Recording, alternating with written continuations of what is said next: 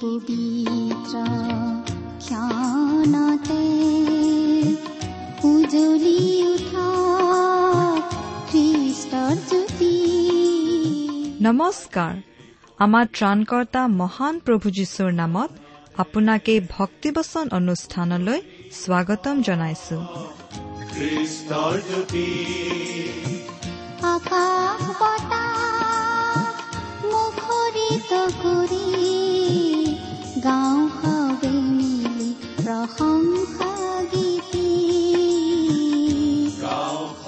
এয়া মুকলি কৰিছো। ঈশ্বৰৰ জীৱিত বাক্যৰ ধাৰাবাহিক অনুষ্ঠান ভক্তি বচন। আপোনাৰ জীৱনত যদি শান্তি পাব বিচাৰে তেন্তে এয়া ঈশ্বৰৰ বাক্যৰ সান্তনা বাক্য ভক্তি বচন। গতিকে আহক আজিৰ শিক্ষা শুনো।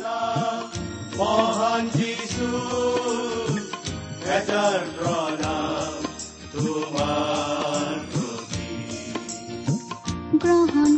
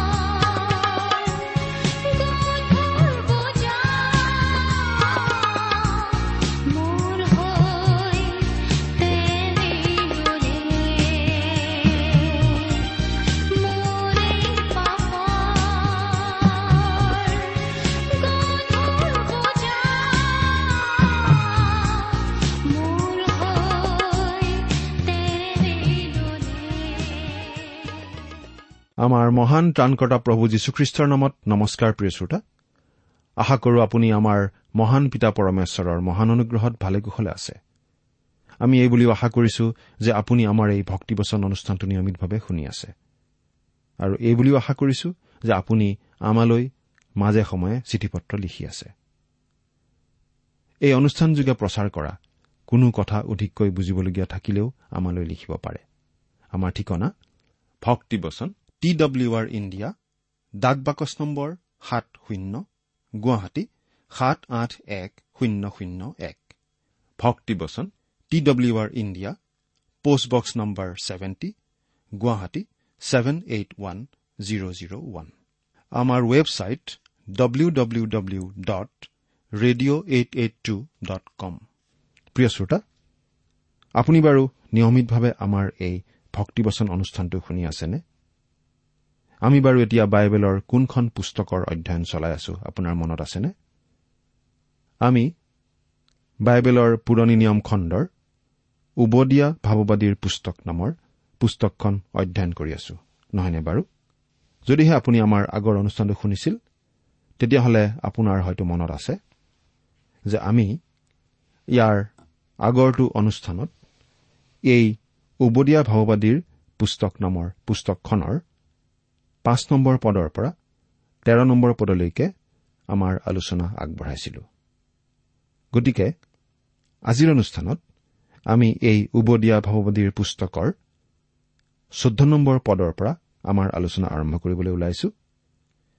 কিন্তু আমি আমাৰ আলোচনা আৰম্ভ কৰাৰ আগতে সদায় কৰি অহাৰ নিচিনাকৈ খন্তেক আমাৰ পৰম পিতা পৰমেশ্বৰৰ ওচৰত প্ৰাৰ্থনাত মূৰ্ণত কৰোঁ হওক।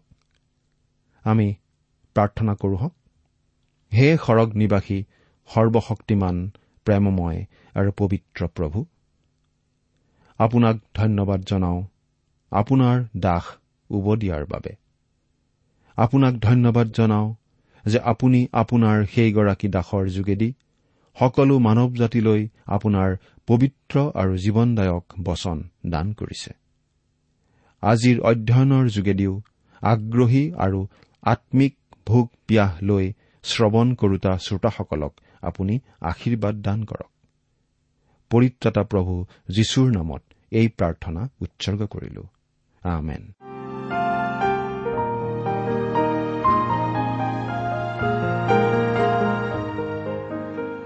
প্ৰিয় শ্ৰোতা আপোনাৰ নিশ্চয় মনত আছে যে আমি ইয়াৰ আগৰটো অনুষ্ঠানত ইছৰাইলৰ প্ৰতি নিজৰ এই তেজ মঙহৰ সম্বন্ধৰ জ্ঞাতি ভাই জ্ঞাতি জাতি ইডুমে কঠোৰ আৰু অন্যায় মনোভাৱ ৰখা আৰু তাৰ বাবে তেওঁলোকে ইছৰাইলক বেয়া ব্যৱহাৰ কৰাৰ কথা আলোচনা কৰিলো। আমি এই কথাটো চাইছিলো যে এই সকলো পাপ তেওঁলোকে আচৰণ কৰিছিল কাৰণ তেওঁলোক এটা মহা অহংকাৰী জাতি আছিল। অহংকাৰটোক সেইকাৰণেই ঈশ্বৰৰ মহান দাস এগৰাকীয়ে পাপবোৰৰো পাপ বুলি অভিহিত কৰিছে। সকলোতকৈ ডাঙৰ পাপ বুলি তেওঁ কৈছে। আজি আমি কেৱল চৈধ্য আৰু পোন্ধৰ নম্বৰ পদৰ পৰা অধ্যয়ন কৰিম। আৰু চাম এই চৈধ্য আৰু পোন্ধৰ নম্বৰ পদ দুটাত আমাৰ কাৰণে আজিনো কি শিকিবলগীয়া কথা আছে সেই কথা। সেয়েহে এতিয়া প্ৰথমতে চৈধ্য নম্বৰ পদটো পাঠ কৰি দিব খুজিছো। আপোনাৰ লগত বাইবেল আছেনে বাৰু? যদিহে আছে তেতিয়াহ'লে অনুগ্ৰহ কৰি চাই যাব। আৰু যদিহে আপোনাৰ লগত বাইবেল নাই আমি পাঠ কৰি দিম অনুগ্ৰহ কৰি মন দি শুনিব। উবদীয়া ভাৱবাদীৰ পুস্তকৰ চৈধ্য নম্বৰ পদটো পঢ়ি দিম। ইয়াত এনেদৰে লিখা আছে। তুমি পলৰীয়াবিলাকক উচ্ছন্ন কৰিবলৈ দুই আলিৰ মূৰত থিয় নহবা। আৰু দুখৰ দিনা তাৰ অৱশিষ্ট লোকক শত্ৰুৰ হাতত সোধাই নিদিবা। ইছৰাইল জাতিৰ প্ৰতি ইডুমৰ এইটোৱেই আটাইতকৈ জঘন্য ব্যৱহাৰ আছিল। অকল জঘন্য বুলি কলেই যথেষ্ট কোৱা নহ'ব। ইডুমৰ এই ব্যৱহাৰটো আছিল অতি পশুতুল্য ব্যৱহাৰ আনকি পশুতকৈও অধম ব্যৱহাৰ। এই কামটো কৰি তেওঁলোকে তেওঁলোকৰ যি পাশৱিক মনোভাৱ তেওঁলোকৰ মাজত চলা যি পাশৱিকতাৰ দৰ্শনবাদ বা শিক্ষা তাকে প্ৰকাশ কৰিছিল। এই দৰ্শনবাদ বা শিক্ষাটো হৈছে আটাইতকৈ যোগ্যজন জীয়াই থকা। দুৰ্বলীৰ ওপৰত সবলৰ অত্যাচাৰ। চাওক প্ৰিয় শ্ৰোতা তেওঁলোকে তেওঁলোকৰ স্বজ্ঞাতিৰ ভাই ভনীসকলোকেই বিশ্বাসঘাতকতা কৰিছিল। বাবিলৰ ৰজা নবুখত নেচৰে যেতিয়া জিৰচালেম আক্ৰমণ কৰিছিল তেতিয়া জিৰচালেমৰ মানুহবিলাকৰ যিসকলে পাৰে যেনি তেনি পলাবলৈ ধৰিছিল। তেওঁবিলাকৰ অনেকে ইডুমৰ ওখোৰা মোখোৰা পাহাৰ অঞ্চললৈ পলাই গৈছিল লুকাই আশ্ৰয় লবৰ কাৰণে। তেতিয়া সেই ইডুমীয়াসকলে তিনিআলি আৰু চাৰিআলিবিলাকৰ চুকে চুকে থাকি প্ৰাণৰ ভয়ত পলাই যোৱা ইছৰাইলীয় লোকসকলক নিৰাপদ ঠাইবোৰ দেখুৱাই দিয়াৰ সলনি এনে কিছুমান ঠাইবোৰৰ ফালে অগ্ৰসৰ হবলৈ বাট দেখুৱাই দিছিল যিবিলাকলৈ গৈ সেই পলৰীয়া মানুহবিলাক শলঠেকত পৰিব। তাৰ পাছত যেতিয়া বাবিলনীয়াসকলে সেই পলাই যোৱা ইছৰাইলীয়াসকলৰ পম খেদি তেওঁলোকক বিচাৰি ফুৰিছিল তেতিয়া ইডুমীয়াসকলে বাবিলনীয়াসকলক খবৰ যোগাই কৈছিল হয় হয় এজাক ইছৰাইলীয়া লোক এই বাটেৰে আহি সৌ সিফাললৈ যোৱা আমি দেখিছো। সেইফাললৈকে খেদি যাওক। তেওঁলোক সৌ পাহাৰটোৰ চুকটোতে থোপ খাই থাকিব কাৰণ তাৰ পৰা আগবাঢ়িবলৈ আৰু বাট নাই। এৰা। তেওঁলোকে নিজৰ জ্ঞাতিৰ ভাই ভনীসকলৰ প্ৰতিয়েই তেনে চৰম বিশ্বাসঘাতকতা কৰিছিল। এনেকুৱা বিশ্বাসঘাতকতা বাৰু আজিৰ নিজকে সভ্যতাৰ উচ্চ শিখৰত আৰোহণ কৰা বুলি দাবী কৰা মানুহৰ মাজত নাইনে? ব্যৱসায়ত থকা মানুহবিলাকৰ অনেকে কয় বোলে ব্যৱসায়ৰ জগতত বিশ্বাসঘাতকতা কৰা এই আচৰণটো বৰ সঘনাই ঘটি থকা এটা আচৰণ। বহু সময়ত নিজৰ কৃতকাৰ্যতা লাভ আৰু উন্নতিৰ বাবে ব্যৱসায়ী লোকসকলে হেনো নিজৰ সহ ব্যৱসায়ী লোকসকলকেই বৰ আওপকীয়াকৈ আৰু কৌশলেৰে বিশ্বাসঘাতকতা কৰে। অভাৱ হৈছে বা কিবা অসুবিধাত যে পৰিছে তাৰ বাবে তেওঁলোকে বিশ্বাসঘাতকতা নকৰে। কৰে প্ৰথম হবলৈ বিখ্যাত হবলৈ বা জাকত জিলিকা হবলৈ বেলেগতকৈ অধিক উন্নত হবলৈ। জাকত জিলিকিবলৈ খোজাৰ অন্তৰালত কি লুকাই থাকে তাক আপুনি জানেনে প্ৰিয় শ্ৰোতা? হয় অহংকাৰ। আপুনি যদি আজি অহংকাৰেৰে কথা ক'ব নাজানে বা ক'ব নোৱাৰে তেন্তে মানুহে হাততালি আপোনাক নিদিয়ে। আপোনাক নেতা বুলি গণ্য নকৰে। আপুনি কাৰো আকৰ্ষণীয় লোক হ'ব নোৱাৰে। আনহে নালাগে। আজি খ্ৰীষ্টীয় মণ্ডলীতো তেনে অহংকাৰী লোকৰ অভাৱ নাই। এনে কিছুমান মানুহ আছে যিসকলে আনকি তেওঁলোকৰ খোজ কাটলতো তেওঁলোকৰ অহংকাৰৰ পৰিচয় প্ৰকট কৰি তোলে। যেনে ভংগীৰে ফুৰিব যেনেদৰে আপোনালৈ চাব যেনেদৰে কথাবোৰ আৰম্ভণ কৰিব সেই সকলোবিলাকতেই তেওঁ তেওঁৰ মনৰ অহংকাৰ প্ৰকাশ কৰে। এনেকুৱা অহংকাৰী মানুহবিলাকে আনৰটোত সদায় কেৱল বেয়াই দেখে আৰু সদায় আনৰ ভুলেই দেখে। তেওঁলোকে ভাবে যে তেওঁলোকৰটোহে ঠিক আৰু বাকী সকলোৰে বেঠিক।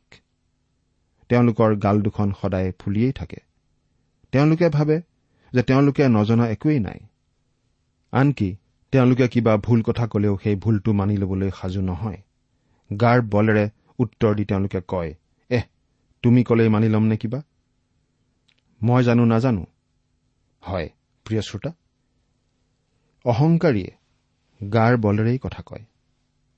সকলো কথা নিজেই জনা বুলি ভাবে। নিজে কোৱা কথাই সদায় ঠিক বুলি ভাবে। আনৰ কথা গ্ৰহণযোগ্য নহয় বুলি ভাবে। সকলোতে আগস্থান বিচাৰে। আৰু সকলোৱেই তেওঁক মানি চলাটো বিচাৰে। এনেকুৱা অহংকাৰী মানুহ সকলো পিনে আছে। চিন্তা কৰি চাওকচোন। এনেকুৱা কিমান মানুহ আপুনি লগ পায়?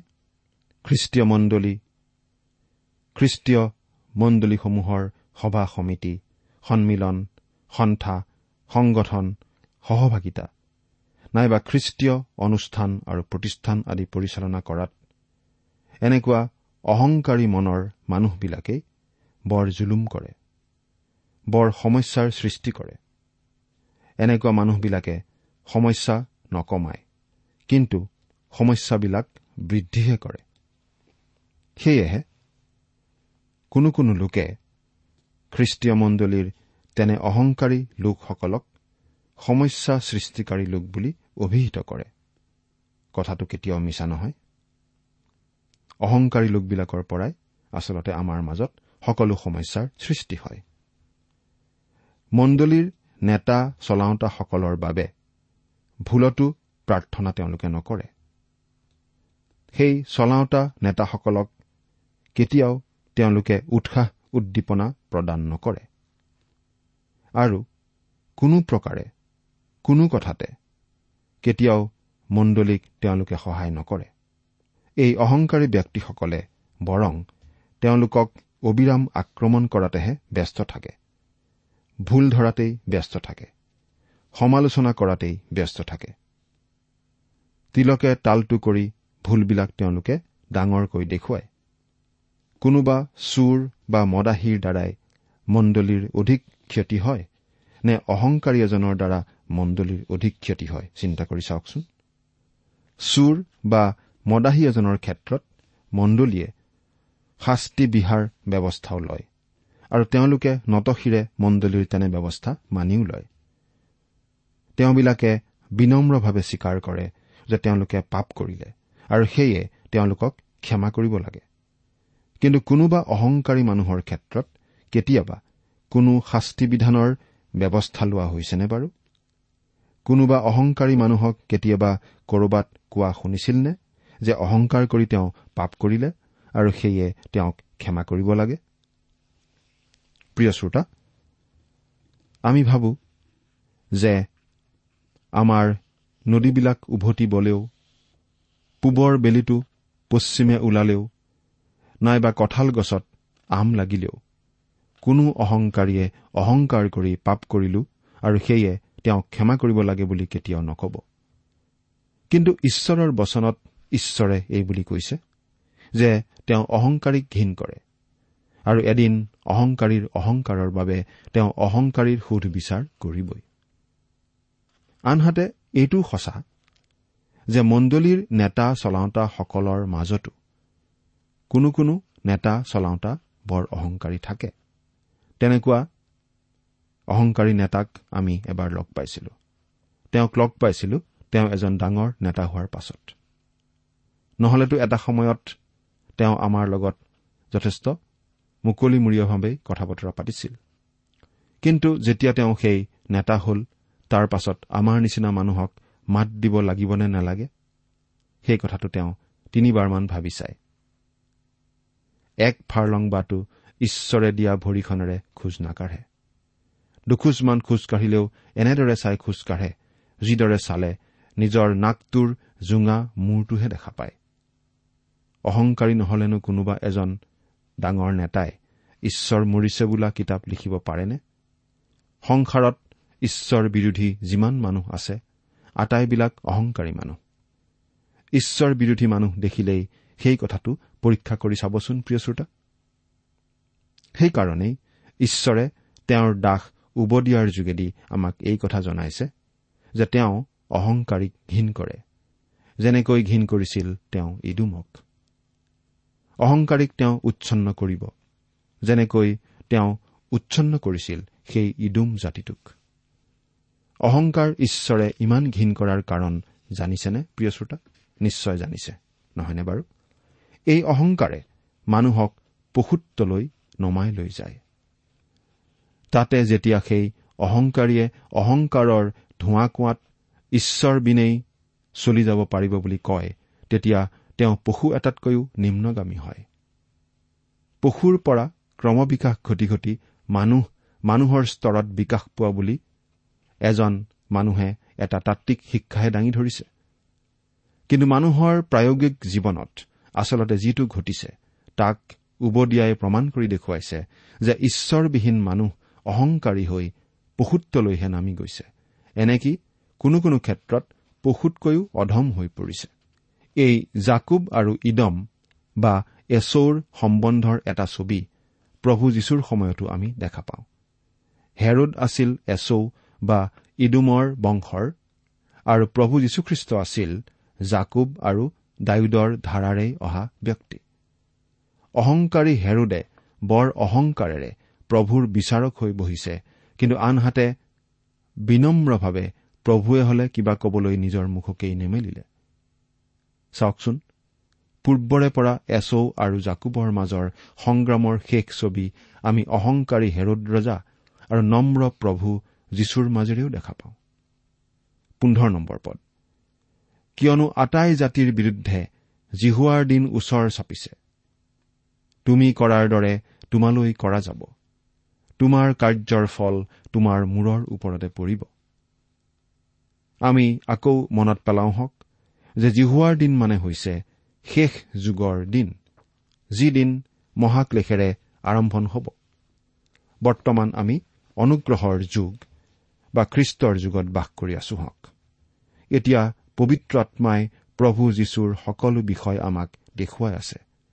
তাৰ পাছত যেতিয়া প্ৰভুৱে বিশ্বাসকাৰীসকলক বা খ্ৰীষ্টীয় মণ্ডলীক চকুৰ প্ৰচাৰতে আকাশলৈ উত্তোলিত কৰি লৈ যাব তেতিয়া জিহুৱাৰ দিনৰ আৰম্ভণ হ'ব অন্ধকাৰ আৰু মহাক্লেশৰ সোধ বিচাৰৰ যোগেদি।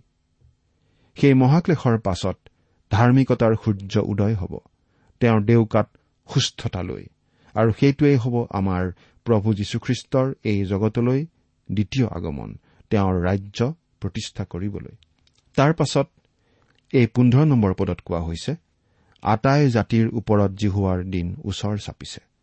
অৰ্থাৎ প্ৰভু যীশুৱে যেতিয়া ন্যায় বিচাৰৰ ৰাজ্য এই জগতত পাতিব তেতিয়া প্ৰভুৱে নিজে মুঠি পঁচিছ নম্বৰ অধ্যায়ত কোৱাৰ দৰে সকলো জাতিৰ সোধ বিচাৰ কৰিব। পুৰণি কালত যিবিলাক জাতি আছিল কিন্তু বৰ্তমান একেবাৰেই চিনচাব নাই। তেনে জাতিবিলাকৰো বিচাৰ হ'বনে? সেই জাতিবিলাকৰ পুনৰ আৱিৰ্ভাৱ হ'বনে? নে প্ৰকাশিত বাক্য বিশ নম্বৰ অধ্যায়ৰ এঘাৰৰ পৰা পোন্ধৰ নম্বৰ পদত উল্লেখ থকা সেই ডাঙৰ বগা সিংহাসনৰ আগত তেওঁলোকৰ চূড়ান্ত বিচাৰ হ'ব? এই বিষয়ত বাইবেল বিশ্বাস কৰা বিশ্বাসকাৰী আৰু শিক্ষক শিক্ষয়িত্ৰীসকলৰ মাজত কিছু মতভেদ আছে। কিন্তু অনেকে বিশ্বাস কৰাৰ দৰে আমিও বিশ্বাস কৰো যে আগতে থকা কিন্তু বৰ্তমান জগতৰ পৰা বিলুপ্তি ঘটা জাতিবোৰৰ পুনৰ আৱিৰ্ভাৱ ঘটিব। কাৰণ চাওক ইছৰাইল জাতিটোৰ দুহেজাৰ পাঁচশ বছৰ ধৰি একত্ৰিত জাতিৰূপে অস্তিত্ব নাছিল। কিন্তু আজিৰ পৰা কিছু বছৰ আগতে ইছৰাইলে পুনৰ এটা জাতিৰূপে আত্মপ্ৰকাশ কৰিব পাৰিছে। গতিকে সেই সময়ত বৰ্তমানে জগতৰ পৰা বিলুপ্ত ঘটা ইডুম জাতিটোৰো আৱিৰ্ভাৱ ঘটিব আৰু ইডুমৰ ওপৰতো জিহুৱাৰ দিন ওচৰ চাপিব। শাৰীৰিকভাৱে ইডুমৰ সেই কালত আৱিৰ্ভাৱ হওক বা নহওক সেয়া এটা সুকীয়া বিষয়। কিন্তু প্ৰত্যেক জাতি আৰু দেশেই ঈশ্বৰৰ গুৰিত দায়বদ্ধ। বাইবেলে সেই কথা অতি স্পষ্টৰূপে আমাক শিকাইছে। প্ৰিয় শ্ৰোতা আমি খ্ৰীষ্টীয় লোকসকলে কওঁ যে আমি সৰগৰহে নাগৰিক আৰু আমাৰ ৰাজ্যখন হৈছে সৰগৰ ৰাজ্য। আমি খ্ৰীষ্টীয় লোক মানে এটা সমষ্টিত ধৰিলে মণ্ডলীখনক বুজায়। আৰু আমি খ্ৰীষ্টীয় লোকসকলৰ বা আমি সৰগৰ নাগৰিকসকলৰ বা এক সমষ্টিৰূপে মণ্ডলীখনৰ মূৰ হৈছে খ্ৰীষ্ট আৰু সেইজনা বৰ্তমান সৰগত আছে। মণ্ডলীৰ মূৰটো বাৰু সৰগত আছে কিন্তু মণ্ডলীখনৰ ভৰি জীৱিত বিশ্বাসকাৰী যে আমি আমিতো পৃথিৱীত আছো। আন কথাত মণ্ডলীৰ মূৰটো সৰগত থাকিলেও মণ্ডলীৰ ভৰিবিলাক কিন্তু পৃথিৱীতেই লাগি আছে। মণ্ডলীৰ ভৰিৰূপ খ্ৰীষ্টীয় লোকসকলৰ জগতখনৰ বাবে ডাঙৰ দায়িত্ব আছে। এই খ্ৰীষ্টীয় লোকসকলে জগতত খ্ৰীষ্টৰ প্ৰভাৱ বিস্তাৰ কৰাৰ ডাঙৰ দায়িত্ব আছে। খ্ৰীষ্টীয় লোকসকলে খ্ৰীষ্টীয় আচৰণ আৰু খ্ৰীষ্টীয় নীতিৰ আধাৰত থিয় হৈ আনকি স্বদেশ আৰু সমাজৰ বিভিন্ন নীতিটো জড়িত হৈ প্ৰভুৰ প্ৰভাৱ বিস্তাৰ কৰাৰ দায়িত্ব মণ্ডলীৰ ভৰিস্বৰূপ পৃথিৱীত থকা খ্ৰীষ্টীয় লোকসকলৰ জগতখনৰ কাৰণে ডাঙৰ দায়বদ্ধতা আছে। জগতখন বুলি কওঁতে গোটেই জগতখনকে কোৱা হৈছে। জগতখন বুলি কওঁতে কোনো তথাকথিত খ্ৰীষ্টীয় দেশ বা খ্ৰীষ্টীয় জাতিক বাদ দি কোৱা হোৱা নাই। কাৰণ প্ৰকৃততে কোনো খ্ৰীষ্টীয় দেশ বা খ্ৰীষ্টীয় জাতি নাই। থাকিব নোৱাৰে। কাৰণ পৃথিৱীত এখনো দেশ নাই য'ত শতকৰা এশভাগ লোকেই খ্ৰীষ্টীয় বিশ্বাসী লোক নাই। তেনেকুৱা কোনো দেশ নাই। তথাকথিত খ্ৰীষ্টীয় দেশবিলাকত খ্ৰীষ্টীয় ধৰ্মধৰোতা কিন্তু খ্ৰীষ্টক নধৰা বহু খ্ৰীষ্টীয় অখ্ৰীষ্টীয় লোক আছে। এই সকলোকে খ্ৰীষ্টৰ প্ৰভাৱেৰে প্ৰভাৱান্বিত কৰিবলৈ খ্ৰীষ্টীয় মণ্ডলীৰ পৃথিৱীত লাগি থকা ভৰিৰূপী বিশ্বাসকাৰী যি আমি আমাৰ দায়িত্ব আছে। তোমাৰ কাৰ্যৰ ফল তোমাৰ ওপৰত পৰিব বুলি ইডুমক কোৱা হৈছে। আৰু উবদিয়াই ভাৱবাণী দিবৰ দৰেই ইডুমক প্ৰথমতে বাবিলনীয়াবিলাকে।